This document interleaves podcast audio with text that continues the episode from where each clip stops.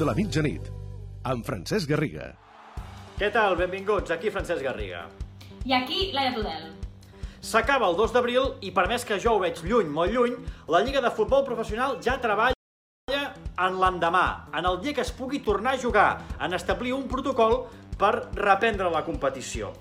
El que queda clar és que la Lliga vol que jugui, com sigui. Avui hem conegut un primer esborrany de com volen que sigui el retorn, els entrenaments, els partits, amb mesures bèsties, amb mesures sorprenents, però amb un objectiu molt clar.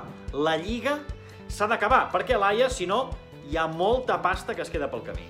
Molts milions en joc, molta pasta que es queda en camí, per això la Lliga, com deies, ha preparat un esborrany que ja ha fet arribar a tots els clubs per preparar aquest retorn i que es divideix bàsicament en quatre fases. Vinga, va, la primera fase. La primera seria on ens trobem ara, que és els jugadors s'entrenen en solitari a casa seva, sense cap mena de contacte, mentre el club prepara les instal·lacions per quan eh, es pugui, els jugadors puguin tornar i es pugui reprendre els entrenaments. L'única diferència d'aquesta fase seria al final, que abans dels entrenaments els jugadors hauran de passar dues proves del Covid-19, una 3 dies abans i una 24 hores abans just de començar els entrenaments. Vinga, imaginem-nos que superem aquesta fase, següent fase. La segona. La següent fase són els entrenaments en solitari. Aquí els jugadors ja podran anar a la ciutat esportiva a entrenar-se, però ho hauran de fer sols, com a màxim podran coincidir dos jugadors en la mateixa zona, al, camp, al gimnàs, on sigui. Els jugadors tornaran a dormir a casa i de fet es dutxaran a casa, no utilitzaran tampoc les instal·lacions per dutxar-se. I en aquesta fase els jugadors tampoc tenen contacte amb l'estaf tècnic, rebran totes les indicacions i les pautes telemàticament. Seran com benjamins, eh, que juguen al partit i se'n van a casa a dutxar-se. Tercera fase d'aquest retorn als terrenys. Aquí és on comença aquesta concentració dels jugadors, que és el que, segons la Lliga, seria la situació ideal. Que quan tornin els entrenaments en grup, doncs eh, els jugadors estiguin, estiguin concentrats o a la ciutat esportiva o en un hotel a prop de la ciutat esportiva. Però atenció, els jugadors dormiran sols a les habitacions i menjaran sols a les habitacions, esmorzar, dinar, sopar, cadascú tancat a la seva habitació. Sortiran a entrenar-se en grup per a un grups petits, com a màxim, en aquesta tercera fase, els entrenaments podran ser en grups de 8 junts. O sigui que confinament en grup, però confinament. I queda una última fase, la quarta. Aquí és on ja tornarem a veure la imatge de tots els jugadors, la plantilla al complet, entrenant-se sobre el terreny de joc, sobre el camp, amb els entrenadors, però igualment continuaran algunes mesures de precaució, com per exemple, estaran concentrats a, a als hotels o a les habitacions i continuaran dormint sols, i en principi també dormint sols, i doncs, eh, els vestidors, on sí que es podran dutxar, només ho podran fer en grups de 8 jugadors. Bé, són mesures que s'han de prendre per un retorn que encara no té data, però que la voluntat és clara, tornar a jugar. El Ricardo Torquemada ens diu què li sembla tot plegat. Bona nit, la Lliga ja ha enviat als clubs l'esborrany del protocol del retorn a la competició, una molt bona notícia perquè mentre lluitem contra la pandèmia, i sabem que això serà llarg, també sabem que queda una miqueta menys pel retorn a la normalitat, que no serà d'un dia per l'altre, sinó que haurem d'acostumar-nos a una vida i també a una competició futbolística post-confinament, que és el que intenta marcar aquest esborrany. Un esborrany que és de màxims i que fa la sensació que és gairebé impossible poder-lo eh, complir escrupulosament, estrictament, tal com està dissenyat, però encara hi ha temps per poder-lo matisar i sobretot perquè les autoritats sanitàries puguin donar el seu aval i firmar el seu vistiplau.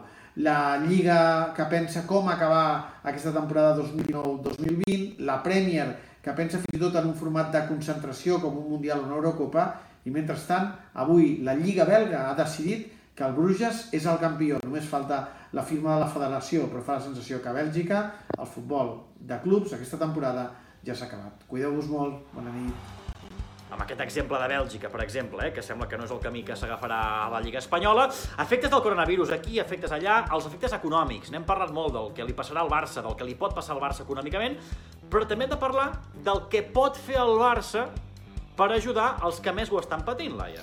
Sí, ja cada vegada és més habitual doncs, que anirem veient el Barça la seva cara més solidària. Ara, per exemple, avui hem sabut que el Barça té previst jugar un partit amistós a Igualada, que és una de les zones més afectades a Catalunya pel coronavirus, evidentment, però encara no hi ha data, però és una iniciativa segur que serà molt ben rebuda. Qui millor ens ho pot explicar és el president de l'Igualada, el senyor Francesc Jorba. Senyor Jorba, endavant. Creiem que podia ser bo un raig de llum doncs el nostre director esportiu va dir escolta, per què no contactem amb el Barça i a veure si podria venir a fer un partit per eh, recaptar fons per la sanitat d'Igualada i la Conca. Ens va semblar una molt bona idea. Vàrem contactar amb el Barça i haig de dir que la resposta va ser rapidíssima i ahir mateix el president Josep Maria Bartomeu em va contactar, vàrem parlar, es va posar a disposició, creia que portar aquest mm, raig de llum era positiu, està encantat de col·laborar i això demostra que l'esport, aquests valors que tant es parlen, són vius i floreixen en els moments de dificultat. Nosaltres volem fer extensible a tot el futbol de la Conca, tot el futbol català, espanyol, el futbol en general, ara que el futbol està parat, que hi hagi aquest raig d'esperança a través d'ell ens omple de joia. I sobretot, sobretot ara, quedem en la mesura del possible a casa, prenem totes les mesures de seguretat. Sense salut no hi ha res i agraïment a tota la gent de la sanitat que està treballant perquè aquest partit més d'hora que tard el guanyem. Això el futbol, però al bàsquet, l'horitzó que s'havien marcat inicialment sembla que s'esveig. Van dir que seria al maig, quan es plantejaven recuperar l'ACB, avui tenim comunicat de l'ACB. Sí, i un comunicat que va en la línia dels últims comunicats de molts altres tornejos i federacions. Suspenen la Lliga ACB, la competició, sine dia, sense dia i cap eh, retorn a l'horitzó, sinó senzillament, de moment se suspèn i ja es veurà. El Macià, l'Ernest, ens explica algun detall més d'aquesta qüestió. Doncs sí, Francesc, a mesura que avancen els dies reculen les expectatives eh, de la Lliga CB i de l'Eurolliga per acabar la temporada tal com teníem previst. Cada vegada és menys el temps que queda, cada vegada són més els partits que hi ha i la densitat de partits que ja de per si seria alta amb només la Lliga CB, si a sobre hi sumem Eurolliga ho fa pràcticament inviable. Avui la CB ha més aquest comunicat en què diu que de moment la data del 24 d'abril, que era una miqueta el deadline que s'havia marcat la CB, s'esborra, ajornament sense data, pendents de què diuen les autoritats sanitàries i l'Eurolliga, que també volia jugar tots els partits que quedaven de mica en mica, anirà entrant en raó i ara mateix una de les opcions que hi ha sobre la taula és acabar la competició a una ciutat amb diversos pavellons en format Eurobàsquet, és a dir, intentar jugar el màxim nombre de partits però només 3 setmanes. Veurem si se'n surten, però de moment avui la notícia l'ha donat la Lliga CB. És dijous, els dijous normalment acabem eh, una mica allò destensant, Tudel. Sí, rient una mica amb el follow Garriga, bé, rient o pensant, ostres, tu el O que plorant. sembla. Que mira que em fem el burro. Avui ho hem penjat a Twitter, ho hem penjat a Instagram, ho hem penjat a YouTube, ho hem penjat a Facebook. Petit fragment del que trobeu al follow d'aquest dijous.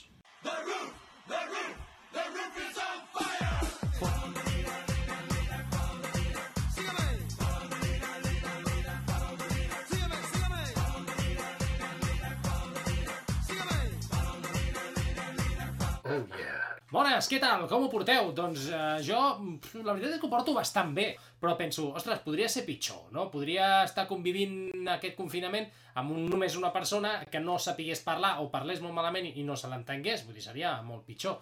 Bartomeu. Però vull dir, no em traieu aquest tema ara, és que a què ve això? Vull dir, anem a rajar del Garriga, que és el que mola. Que tampoc us penseu que el Garriga i la Laia eh, són tot el dia, oh, que macos, que bé que es porten, canten junts, presenten un programa... La seva relació seria exactament aquest moment. Tinc la Laia Tudel pendent de les xarxes socials i de què ens han dit els nostres oients i espectadors aquesta nit, perquè hi ha hagut molta revolució a les xarxes amb la primera part d'un partit que fos millor que la del Barça d'ahir, però hem rebut crítiques, pals, eh, moixaines, la, les respostes de la- de l'enquesta, no sé, què, què, què ens han dit avui? Exacte, calla i així puc explicar-te el que... Clar, si no, no calla no t'ho puc explicar.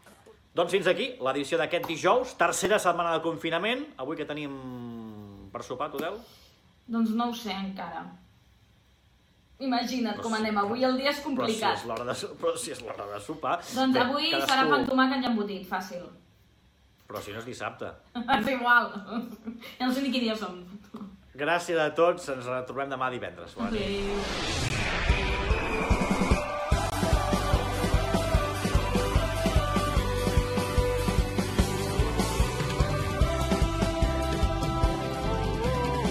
de la mitjanit.